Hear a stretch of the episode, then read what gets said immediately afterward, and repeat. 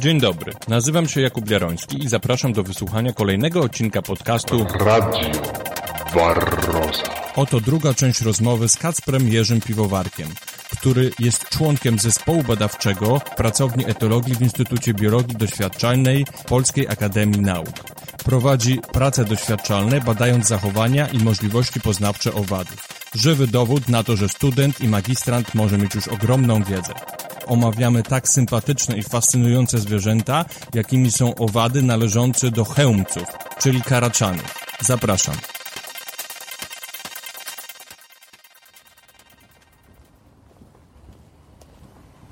Znajdujemy się w Warszawie, na Sadach Żoliborskich, w parku, na przełomie listopada i grudnia.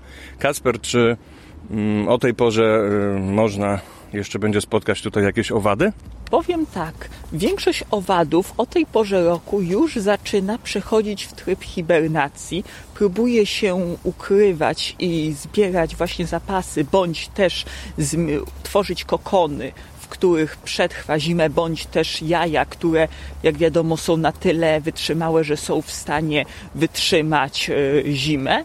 Natomiast jestem przekonany, że jeszcze niektóre owady można spotkać. Oczywiście nie mówiąc o takich jak muchy czy właśnie karaczany, które w ogóle nie zimują i korzystają z domów, osiedli ludzkich do tego, żeby przetrwać, bo rzeczywiście trzeba przyznać, że ludzka technologia, ludzkie społeczeństwo, a szczególnie wszystkie nasze właśnie systemy jak ścieki, systemy ogrzewania, systemy elektryczności sprawiły, że bardzo wiele form życia, które w naturalnych warunkach byłyby skazane na śmierć z wychłodzenia, mają możliwość przetrwać, nawet jeżeli nie są w stanie ani hibernować, ani nie utrzymywać stału temperatury ciała.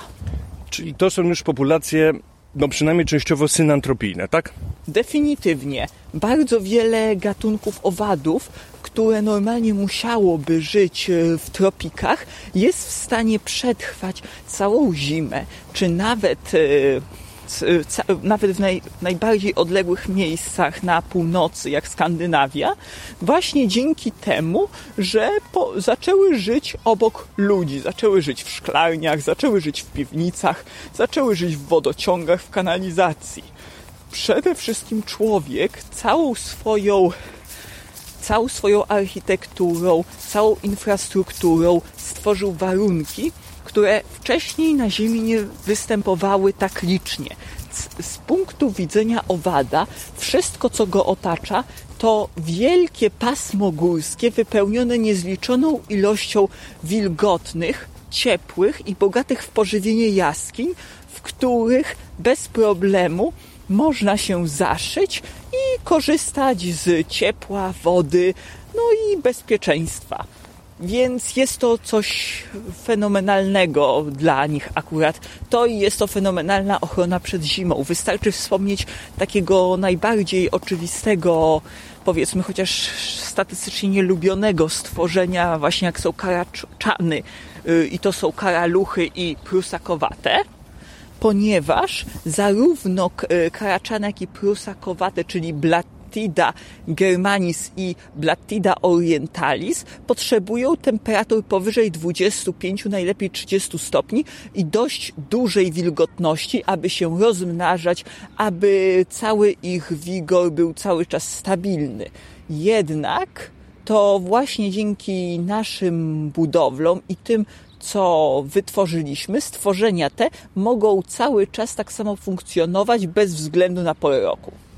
Jeszcze może wyjaśnijmy mm, moim słuchaczom, że e, populacje synantropijne to znaczy dostosowane do środowiska, jakie, mm, jak przekształconego przez człowieka, bardziej lub mniej, a takie populacje szczególnie dostosowane do dużych miast e, ten proces nazywa się synurbizacją, jak znalazłem. Tak, o, tak, są to tak zwana synurbizacja. Są to stworzenia, które dosłownie weszły z nami w bardzo specyficzną formę koegzystencji, którą zwykle nazywa się komensalizmem, w którym jeden osobnik czerpie korzyści z wykorzystywania zasobów innego gatunku, równocześnie nie czyniąc mu większych czy bardziej dotkliwych krzywd. Czy to będzie w przyszłości tylko komensalizm, czy też jakaś już wymiana obopólna, no jakiś mutualizm, to powiemy sobie później, dlatego że no wiemy, prawda, że możemy z owadów jednak czerpać różne rzeczy, z termitów, choćby lekarstwa. Także to o tym sobie później powiemy. Mm, być może nie będzie to aż taka jednostronna relacja, prawda? Z pewnością nie. Z pewnością nie. Mówiłeś trochę o tych jaskiniach. To jest też takie fajne zagadnienie z punktu widzenia filozofii przyrody, bo no, nam się kojarzy, że las, puszcza mm, są większości ludziom y, ich zmysł estetyczny, gdzieś tam połączenia w komórkach nerwowych wskazują, że mm, no taki krajobraz, bo do takiego byliśmy dostosowani wcześniej, jest piękniejszy, ładniejszy, budzi nasze bardziej pozytywne odczucia estetyczne niż na przykład betonowa dżungla. Natomiast, no, jeżeli owady posiadają jakiś zmysł estetyczny, a być może posiadają, to się dowiemy w przyszłości, chyba że ty już coś wiesz, to być może dla nich na przykład mm, jaskinia ludzka zbudowana z betonu jest równie piękna, jak dla nas na przykład jakaś puszcza bo...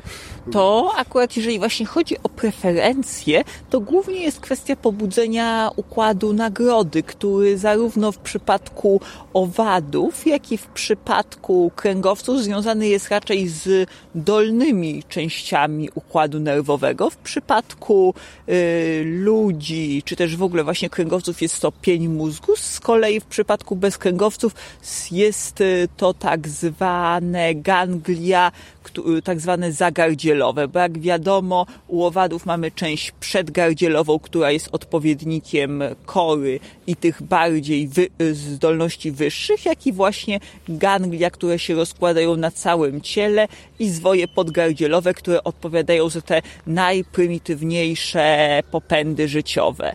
I jeżeli się nad tym dobrze zastanowimy, organizm powinien z założenia czuć pociąg do tego, co zwiększa jego możliwości adaptacyjne.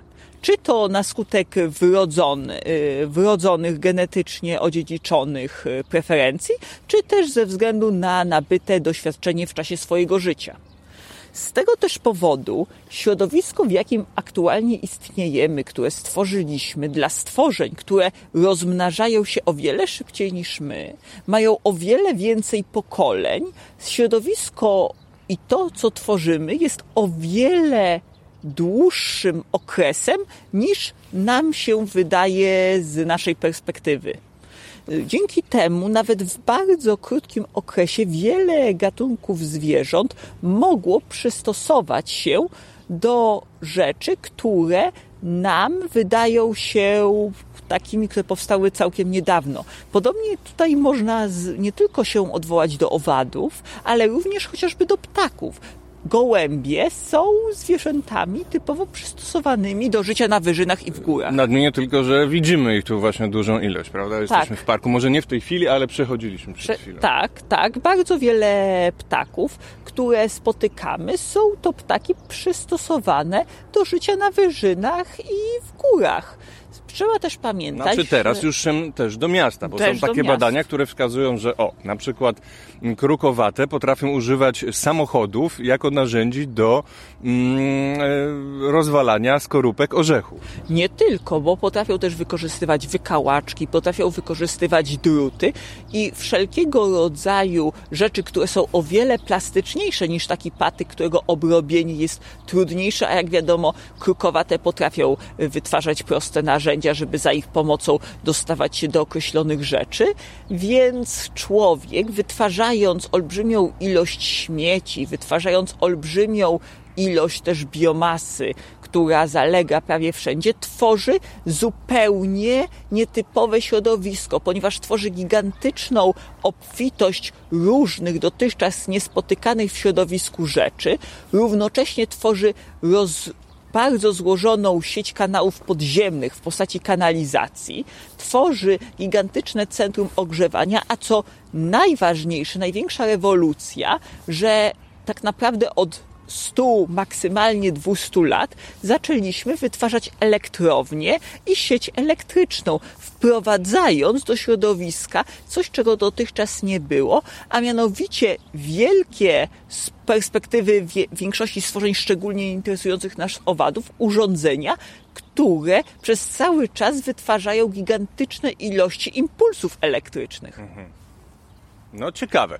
A jeszcze tylko wrócę trochę do tych e, siedlisk, który, no bo wspomniałeś, że teraz już jest stosunkowo chłodno, bo te, dzisiaj mamy tak około 5-6 stopni, pewnie w słońcu jakieś 8-9, natomiast no jest to cieplej, bo no w ogóle mamy cieplejszy klimat, ale to też zależy od wahań kilkuletnich, bo powiedzmy 10 lat temu, gdyby było minus tutaj w tej chwili, gdy było, byłoby na przykład minus 10 stopni, no to na pewno byśmy mieli mniejszą szansę spotkać owada, przynajmniej tak na otwartej przestrzeni, prawda? To definitywnie. No definitywnie. właśnie. I jednym z takich też um, fajnych, przyjemnych przynajmniej dla mnie um, biocenos synantropilnych są ule, dlatego że y, rodzina pszczela podgrzewa, jest tam też duża wilgoć. Na przykład y, obserwuję różną dominację w różnych latach. Na przykład teraz bardzo dużo nadpowałkę, czyli tam uknąłem taki termin termokomensalizm, bo one korzystają z ciepła, rodziny pszczelej. Y, w tym roku jest bardzo dużo prosionków.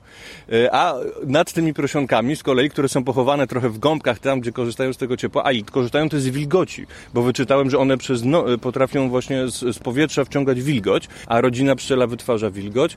Mianowicie e, nad nimi są z kolei pająki, które czasami trochę łapią mm, jakby takie na przykład umierającej pszczoły, która gdzieś tam chce wyleczyć albo no, tego prosionka i też na dennicy sobie chodzą, korzystając z truchła pszczelego, bo pszczoły prawda, w tym kłębie stopniowo y, odpadają, prawda? I jakaś część zawsze przez zimę no, y, umiera. Także to jest też taki fajny no, ul, który może być, no na przykład w Warszawie można na przykład trzymać ulę, prawo na to zezwala, też może być takim siedliskiem trochę jak, e, no gdzieś piwnica, coś takiego, prawda? Oczywiście. Bardzo wiele stworzeń e, wykorzystuje środowisko. Fenomenalnym właśnie przykładem są wszelkiego rodzaju na przykład termitofile, czy myrmekofile, czy właśnie w przypadku y, pszczół właśnie hymenofile, czyli organizmy, które żyły właśnie, przystosowały się tylko, że nie do cywilizacji ludzkiej, tylko właśnie do cywilizacji termiciej, pszczelej czy mrówczej.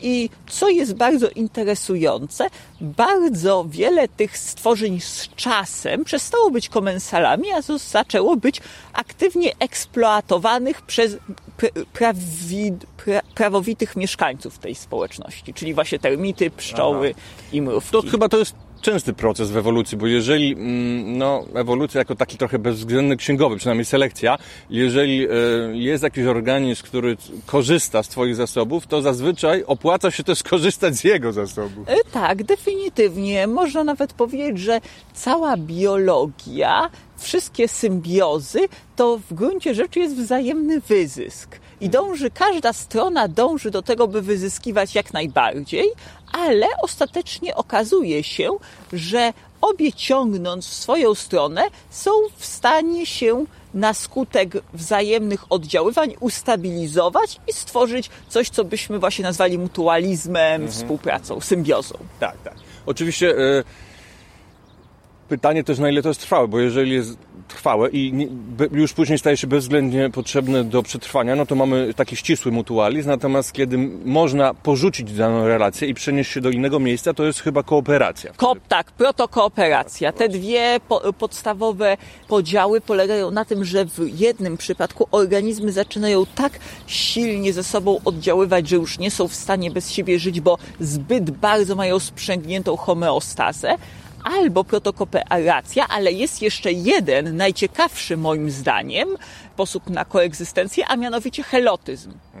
Helotyzm jest to o tyle ciekawy system adaptacji, że nie mamy pełnej współpracy, ani też nie mamy pełnego wyzysku. Mamy częściowy wyzysk jednej strony przez drugą i widzimy, że jedna w tej hierarchii jest wyżej, druga jest niżej, ale jednak jedna i druga coś z tej relacji czerpie, chociaż y, warto właśnie wspomnieć, że nie jest to 50 na 50. Idealnym przykładem takiej symbiozy, właśnie heloty, helotyzmu, są chociażby porosty. Porosty są grzybami, które jak wiadomo mają w swoim wnętrzu symbiotyczne y, glony, ale definitywnie więcej z tej współpracy czerpią same grzyby niż zamieszkujące ich wnętrze glony. Do tego stopnia, że jeżeli nie ma światła, to grzyby są w stanie strawić zamieszkujące je glony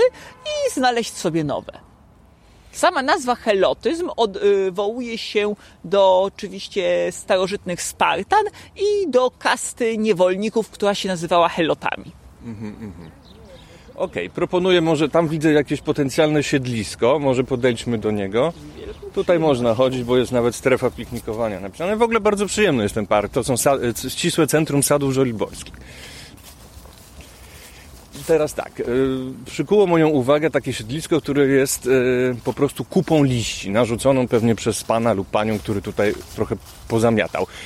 Z tego co się notuje, taka kupa liści może być fajnym siedliskiem, również tam się mogą docieplać po prostu owady, prawda? nie tylko owady, ale również drobne kręgowce. Nie, przecież była akcja, żeby nie usuwać liści, ponieważ są bardzo istotne dla jeży. Trzeba pamiętać, że choć dla nas wydaje się, że są to po prostu martwe liście wyschnięte i nic więcej, w istocie jest to gigantyczna ilość pokarmu. Dlaczego? Bo takie liście stanowią olbrzymią ilość biomasy, na której mogą żyć destruenci i szeroko rozpowszechnione nekrofagi. Te nekrofagi z kolei stanowią pożywienie dla kolejnych istot i w taki sposób może się budować cały ekosystem.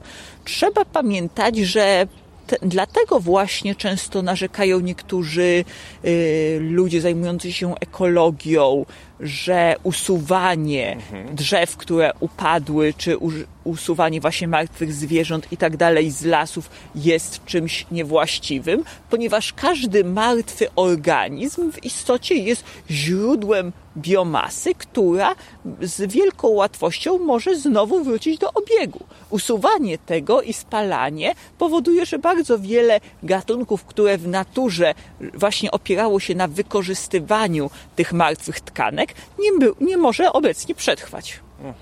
Czyli nie proponujemy, prawda, usuwania całych liści, a jeżeli ktoś potrzebuje, choćby ze względów estetycznych albo innych praktycznych, To bardziej na pousuwać, kubkę. Właśnie, zostawić taką kubkę, a w takiej kupie nawet może chyba jeż zimować. I to bardzo często, bardzo często. Właśnie drobne y, ssaki, właśnie ssaki owadożerne, o ironio, nie bez kozery mają szansę się w tego typu miejscach zaszywać, ponieważ jak wiadomo powstaje na takiej kupce bardzo duży łańcuch pokarmowy, który jest wykorzystywany przez zwierzęta, które nie w, hibernują w całości, tylko właśnie przechodzą w taką częściową hibernację. Czy w takiej kupie liści można by też spotkać karaczany? Przyznaję, że myślę, że raczej tak. Jest wiele gatunków karaczanów, które wbrew temu, co nam się wydaje, nie żyją tylko w domach. Jest wiele tak zwanych e, e, gatunków wolnych, więc przypuszczam, że można by, szczególnie, że są to stworzenia z niezwykle bogatą florą bakteryjną, więc są w stanie przyswoić bardzo dużą ilość pokarmu. Może samych liści nie, ale z pewnością wiele zwierząt, czy właśnie mi- mikroorganizmów, grzybów, żywiących się liśćmi, z pewnością. Mam propozycję, może spróbujemy tutaj trochę odgrzebać, poprzeszkadzać, no zachować się jak intrus i może coś znajdziemy, jakiegoś owada. Ciekawe. Jak widać jeszcze, dodam, że proszę zauważyć, jak one są wilgotne.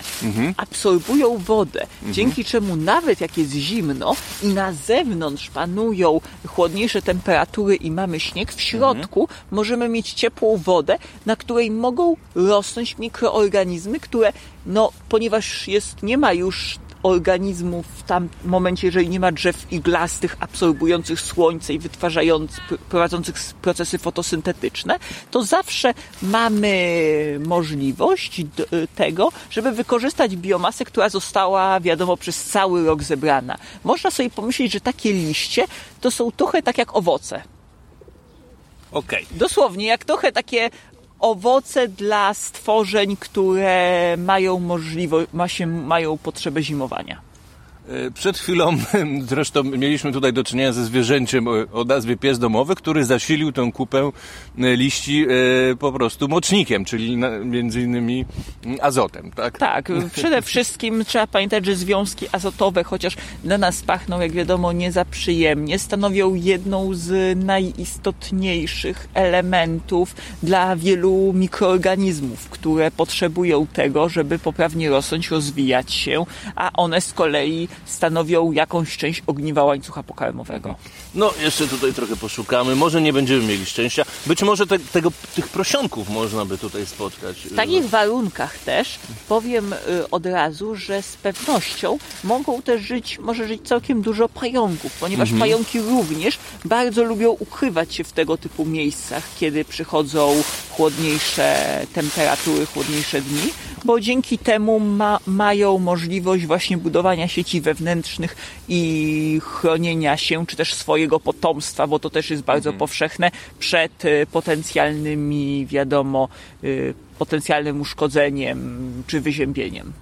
Czy w takiej temperaturze jak teraz y, można by spotkać mrówki na zewnątrz? W takiej temperaturze jak obecnie powiem szczerze, że przypuszczam, że większość mrówek raczej woli już chodzić kanałami podziemnymi, ponieważ oczywiście hipotetycznie zawsze można spotkać, zawsze jacyś zwiadowcy muszą wyjść, żeby zebrać, natomiast przyznaję, że e, kiedy temperatura już jest poniżej 10 stopni, to większość e, owadów, jako że jest zmiennocieplna, ma coraz więcej problemów z zaklimatyzowaniem się. I to definitywnie widać, bo e, trzeba pamiętać, że potencjał nasze potencjały sodowo-potasowe, m, generalnie nasze wszystkie kanały jonowe są dostosowane, żeby utrzymywać takie między 25 do właśnie 35 stopni Celsjusza. Więc oznacza to, że organizm w momencie, kiedy chodzi i tak dalej, wiadomo, pracą mięśni swoją wytwarza ciepło. Tak, Dodatkowo a pszczoła na przyznam- przykład dr- drżeniem też mm, skrzydeł. Oczywiście. Dodam jeszcze, że niektóre owady mają coś, co przypomina stałocieplność. Nie jest to stałocieplność, ale taki jej substytut, ponieważ jak wiadomo też gromadzą w ciele tłuszczowym tłuszcz. I są w stanie w momencie, kiedy spada temperatura, ten tłuszcz metabolizować i dzięki temu podgrzewać swoje ciało. No to tak robi między innymi, e, tak, robią osobniki w rodzinie pszczeli. W ogóle według e, pana Przemys- doktora Przemysława Grodziskiego, który gościł też u mnie w podcaście, pojedyn- ze względu na mm, te zachowania termoregulacyjne pszczoły, na przykład drżenie skrzydłami, nawet jak wyleci, jak jest minusowa temperatura, bo musi, bo na przykład jest już świeży czerw, który potrzebuje wody, i jeżeli będzie miała szczęście, na przykład nie usiądzie na śnieg, gdzie się bardzo szybko schłodzi, to może się podrzeć trochę skrzydłami, a, a z kolei jak jest upał, to lecąc wydobywa e, ze swojego otworu gębowego e, wodę i po prostu lecąc e, dzięki też pędowi wiatru schładza się, więc można powiedzieć, że jest taka pół e, pół stałocieplna, Pół czy, stałocieplna. czy, czy se, semi stałocieplna, natomiast cała rodzina pszczela potrafi e, dokładnie regulować temperaturę. Yy, więc- powiem nawet więcej, bardzo dużo właśnie owadów kolonijnych to robi do tego stopnia, że termity można, jeżeli mamy w domu te tak zwane subterranean termites, czyli te, które można powiedzieć prowadzą życie łowców zbieraczy, y, moż, zamieszkują osiedle, y, dom i ściany, to można za pomocą urządzeń do kamer termowizyjnych zlokalizować ich gniazdo, ponieważ bardzo wyjątkowo intensywnie świeci na czerwono. No dobrze, to nie udało nam się spotkać e, żadnego owada, przynajmniej wzrokiem, ale też nie, nie szukaliśmy bardzo wytrwale, bo... Powiem od razu, że rzeczywiście w tym momencie, jakim aktualnie się znajdujemy, większość owadów już raczej się chowa poza tym, stara się nie marnować energii, dlatego nawet jeżeli jest zamiast uciekać, woli się kryć. I ucie- jeżeli nawet ucieka, to tylko w bardzo specyficznych okolicznościach. Chociaż czasami zauważam u siebie w ogrodzie, że potrafią się nawet w takiej temperaturze wygrzewać trochę przy, na wprost oczywiście promiennika e, podczerwonego, jakim jest e, słońce, bo jednak e, w bezpośrednich promieniach słońca jest temperatura no znacznie wyższa. No znacznie wyższa. Też trzeba pamiętać o różnicy skal, że w momencie, kiedy my mówimy o średniej temperaturze, kiedy na przykład bierzemy termometrem, to myślimy o naszej skali, a jednak my jesteśmy nieporównywalnie więksi, ciężcy i zajmujemy olbrzymią objętość w stosunku do takiego owada. Więc miejsce, jeżeli wszędzie jest zimno, a jest jedno miejsce, gdzie na przykład temperatura może nawet wynosić 20 stopni, gdzie akurat konkretny promień słońca uderza, z pewnością z tego owad skorzysta. No dobra. To chyba będziemy wychodzili po, powoli z tego parku. Będziemy powoli wychodzić. Radio Barroso. Powiedz proszę, jak spokrewnione są ze sobą termity, czyli no jedne z grup owadów e, eusocjalnych, e, które Ciebie szczególnie interesują, z karaczanami, do których należą popularnie zwane zwierzęta karaluchami. Tak, powiem od razu, że karaczany i termity nie od razu były uznawane za tą samą e, grupę. Przez długi czas jedne były Blattodea, a drugie Izoptera. E, ciekawe mają nazwy po polsku. Dlaczego? Bo polska właściwa nazwa termitów to były Bielce. Z kolei nazwa karaczanów to były Chełmce. I właściwa nazwa karaczana to był Chełmiec Pospolity. Ze względu, wiadomo, na specyficzną nakładkę z chityny, która może przypominać hełm, która zasłania głowę i sprawia, że głowa jest wciągnięta pod korpus, przez co jest niewidoczna u znacznej ilości karaczanów. Ale wracając, termity i karaczany są ze sobą bardzo silnie spokrewnione. W rzeczywistości nawet mieliśmy tutaj grupę parafiletyczną. Dlaczego?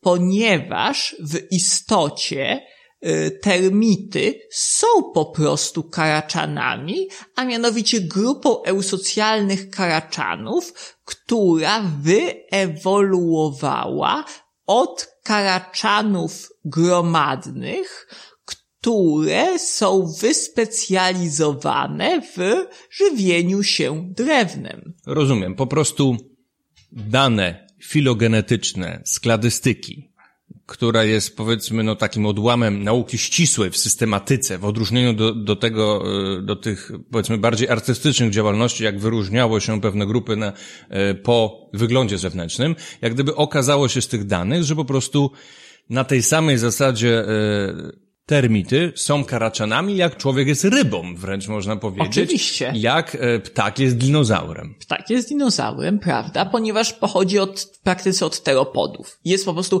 przystosowanym do lotu teropodem. Dokładnie. Bardzo fajnie, że wspomniałeś o tych polskich nazwach. Ja lubię je używać, tak jak na pasożyta roztocze Varroa destructor lubię nazywać polską nazwą dręcz pszczeli, która zresztą dobrze oddaje jego funkcję. To prawda. Jeszcze wracając do właśnie karaczanów i termitów, to karaczany, które są najbliżej spokrewnione z termitami, to karaczany kryptocercus, które współcześnie żyją na terenie y, Ameryki Północnej i co jest e, ciekawe, są one uważane za żywą skamieniałość, bo obecnie jest, e, to są endemity i są one monogamiczne. Związuje się samiec z samicą, tworzą sobie wspólnie norkę, wspólnie opiekują się potomstwem i tworzą wielopokoleniowe społeczności, ale zupełnie niewyspecjalizowane, które bardziej przypominają zbiór rodzin nuklearnych. Mhm. Czy takie dążenie do monogamiczności jest y, pierwotną cechą karaczanów ewolucyjnie? Podejrzewam, że nie, ponieważ wiele karaczanów y, so, y, żyje zupełnie, prowadzi dość rozwiązły tryb życia. Są karaczany, które prowadzą walki godowe, są karaczany, które popisują się przed samicami na przykład swoimi skrzydłami i samica kopuluje z tym samcem, który ma najzdrowsze skrzydła. Więc jeżeli chodzi o gody i dobór płciowy u karaczanów, jest on niezwykle różnorodny. Natomiast trzeba przyznać, że ta monogamia jest bardzo istotna, jeżeli spojrzymy na termity. Tak, tak i na pewno do tego przejdziemy właśnie. Później dlatego o tym nawiązałem, bo byłem ciekaw, czy czy to mogło być przyczyną, ta cecha, że u, że u termitów, w odróżnieniu na przykład od pszczół i części mrówek, no podstawą kolonii eusycjalnej jest para królewska. Mm, para królewska, która jest monogamiczna. Tak, monogamiczna. Zdarzają się y, bardziej złożone, powiedzmy, sytuacje, gdzie mamy jednego samca, wiele samic albo wielu samców i jedną samicę, ale najczęściej są to społeczności oparte na monogamicznych rodzinach. Nie wybiegając jeszcze do biologii termitów, którą omówimy szczegółowo później, powiedz, co charakteryzuje biologię karaczanów?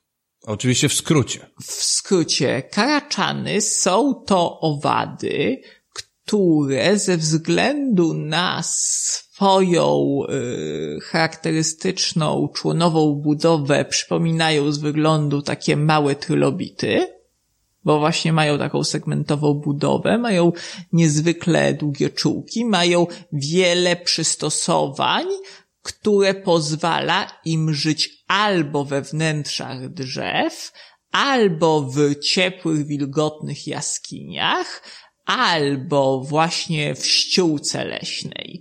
I przede wszystkim, jeżeli spojrzymy na biologię karaczanów, zauważymy, że są to stworzenia raczej gromadne, typowo nocne, które y, są zazwyczaj wszystkożerne i najbliżej spokrewnione są z modliszkami, ponieważ najbardziej pierwotny, jednym z najbardziej pierwotnych owadów są modliszki, z których dopiero rozwinęły się karaczany. Jeżeli spojrzy, przyjrzymy się bliżej karaczanowi, zauważymy wiele podobieństw morfologicznych do modliszki, do tego stopnia, że wygląda on jak modliszka, która zamiast być w pozycji pionowej jest y, ustawiona w pozycji poziomej.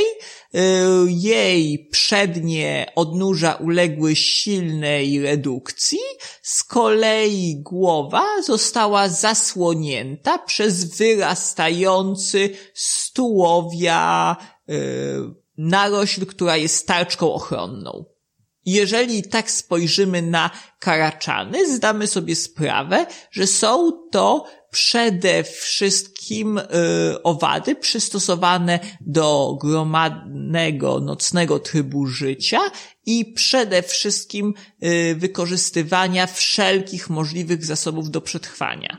Najprawdopodobniej też nasze statystycznie, w sensie większości ludzi, obrzydzenie do nich związane jest z tym, że w kulturze, bo wiadomo, że y, niektórzy uważają, że jest to wyrodzone, ale też wiele badań wskazuje na to, że jest ten niechęć jest nabyta, y, zostały one jako wskaźnik skażenia środowiska i kojarzą nam się z tym, że jest w środowisku brudno. A to z kolei wynika z tego, że stworzenia te mają na tyle silny system odpornościowy, że wiele toksyn czy wiele mikrobów, które nam szkodzi, im nie szkodzi przez co często mogą biernie przenosić wiele zarazków, które dla nich są zupełnie obojętne.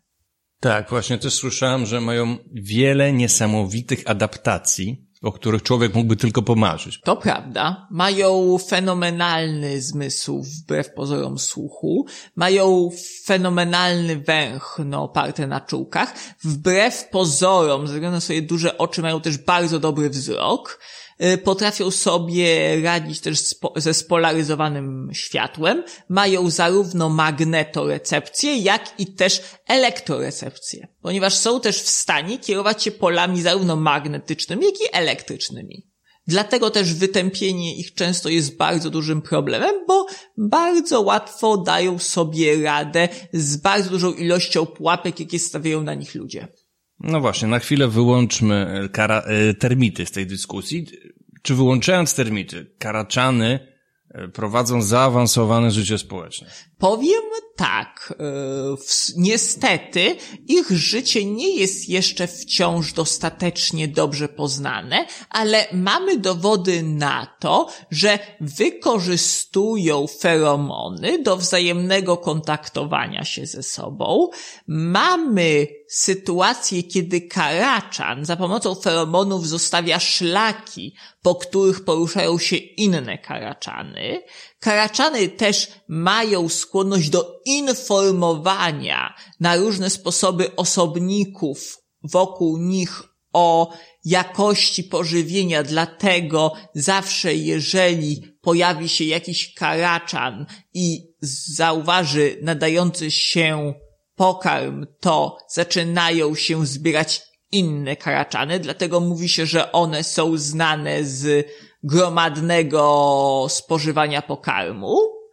Też, co jest istotne, jeżeli mamy kryjówki, to karaczany nigdy nie są same, zazwyczaj grupa rozdziela się na mniejsze podgrupy, które zajmują określone miejsca. Decyzje o zmianie y, głównego gniazda też podejmują zbiorowo, ponieważ jesteśmy w stanie ocenić, że y, nie jest to tak, że y, jest to zupełnie losowe, tylko że pewna grupa wywiera presję na innych i wspólnie idą na poszukiwanie innych gniazd, co nawet zbadano w taki sposób, że zbudowano robota wytwarzającego feromony, dźwięki oraz inne rzeczy po to, aby karaczany uznały go za swojego i za jego pomocą można było wpływać na zachowanie całej kolonii.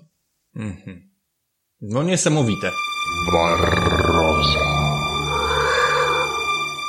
Słyszałem, że mogą się podobnie zachowywać jak stado szczurów, testując nowe zasoby pokarmów. Oczywiście. Zazwyczaj jest tak, że jeden osobnik idzie sprawdzić i jeżeli coś się z nim stanie, to y, nie tykają tego pokarmu. Też trzeba zauważyć, że y, są w stanie uczyć się tego, jaki pokarm jest na, przydaje się do spożycia, a jaki nie, do tego stopnia, że wyspecjalizowały się niezwykle szybko do unikania pokarmu z dotychczas stosowanymi słodzikami zaczęły, zmienił się jakby im zmysł smaku i zaczęły pod wpływem stosowania określonych przynęt kierować się zupełnie innymi potrzebami niż dotychczas. W przypadku prusaków. Czy tą informację o pokarmie rozumiem, że potrafią przekazać innym osobnikom?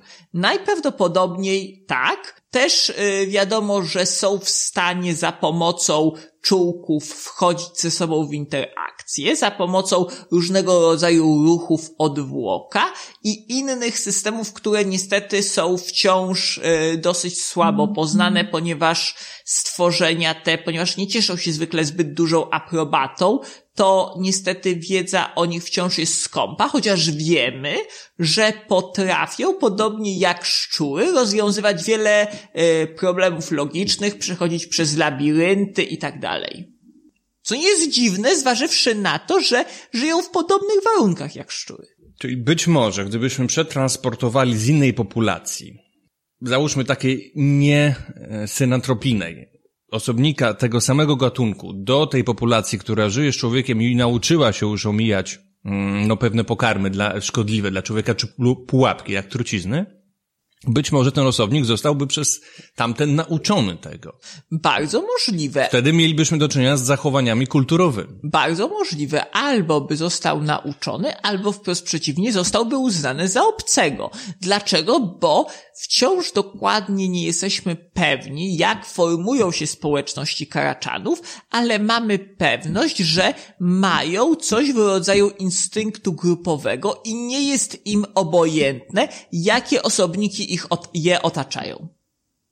Że pod, na, y, na podstawie znaków chemicznych, czy też y, innych zmysłów dotyku, chociażby właśnie też za pomocą czułków, są w stanie ocenić, z jakimi osobnikami chcą, a z jakimi osobnikami nie chcą wchodzić w interakcję.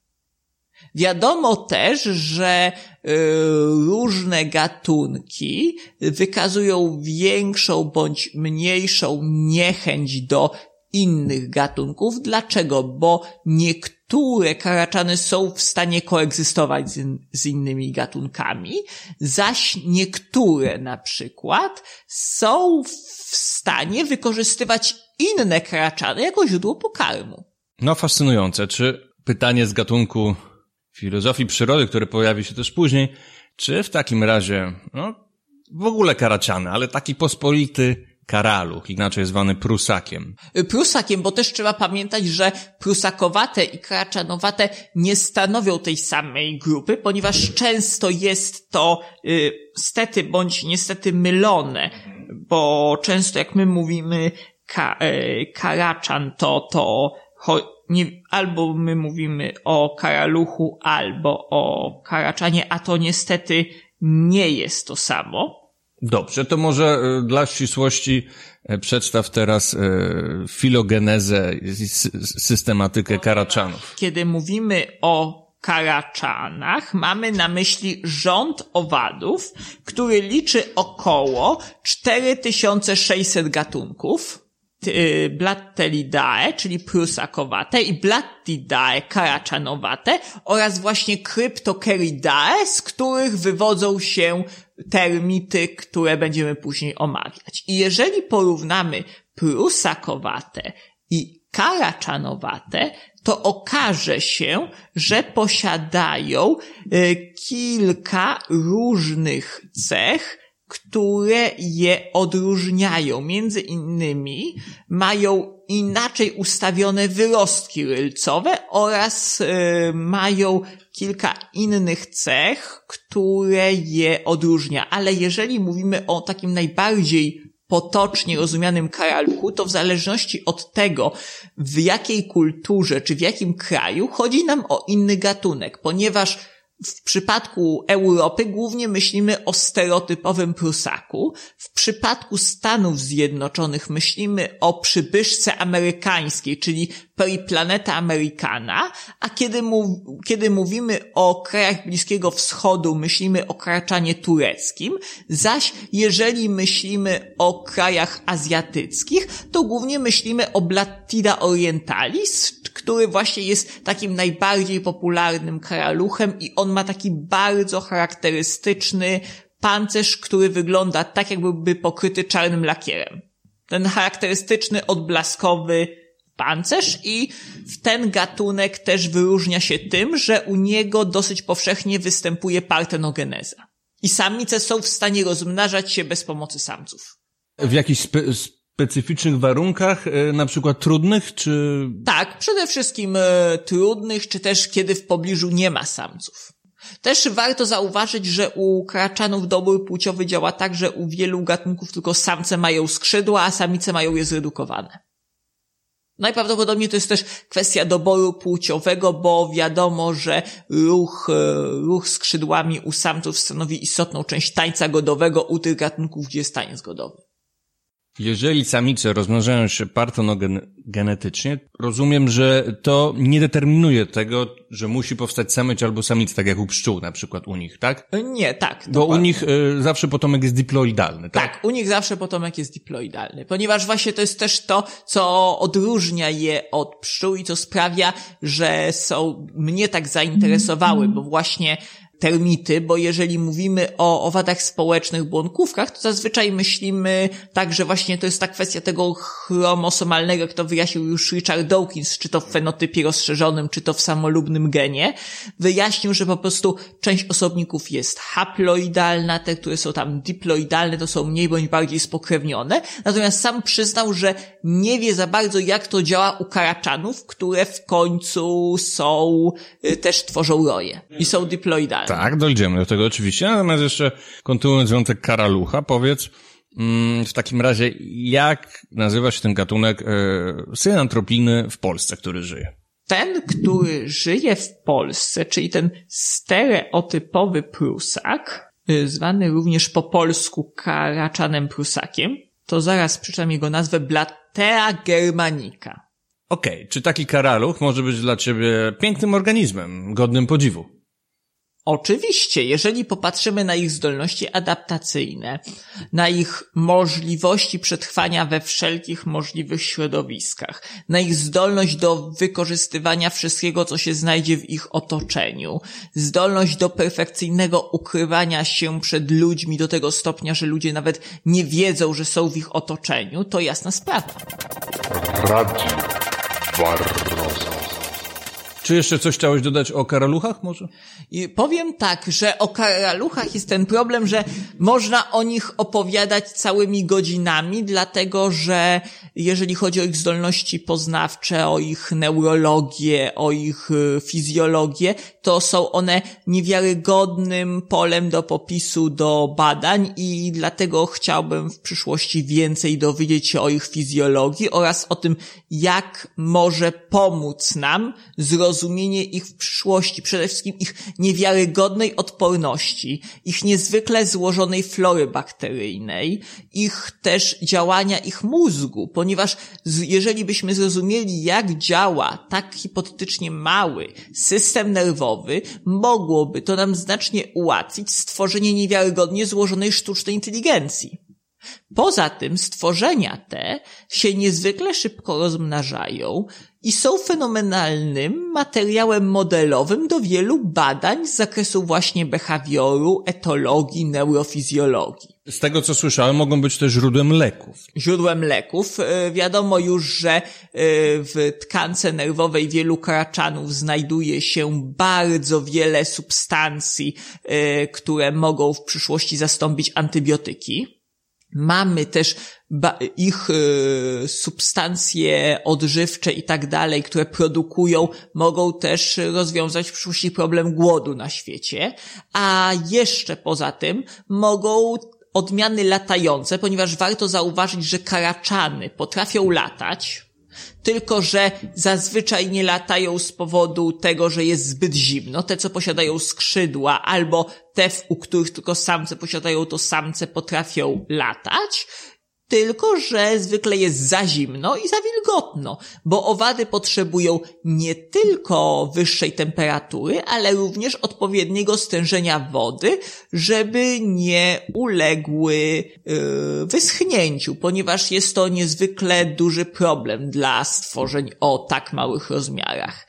I w momencie, kiedy to wszystko uwzględnimy, okaże się, że być może lepsze poznanie tych stworzeń może może nam pomóc w uratowaniu ekosystemów przyszłości i w przekształceniu ich tak, aby y, dostosować się do warunków, które, czy tego chcemy, czy nie, aktualnie sprowadzamy na Ziemię. Czy uratować w kontekście naszego przetrwania tak, w komforcie. Dokładnie, oczywiście.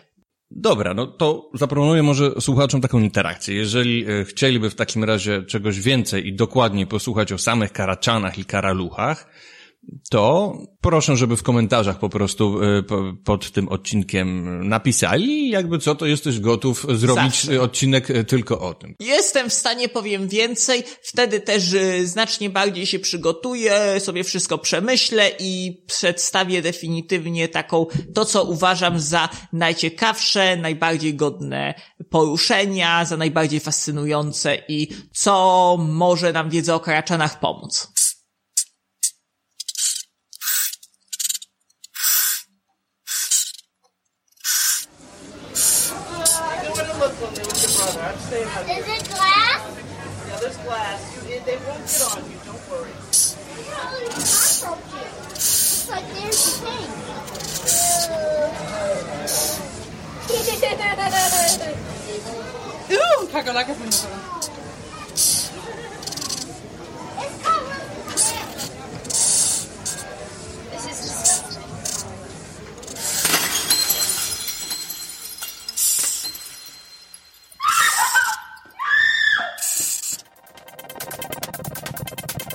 Dziękuję za wysłuchanie tego odcinka.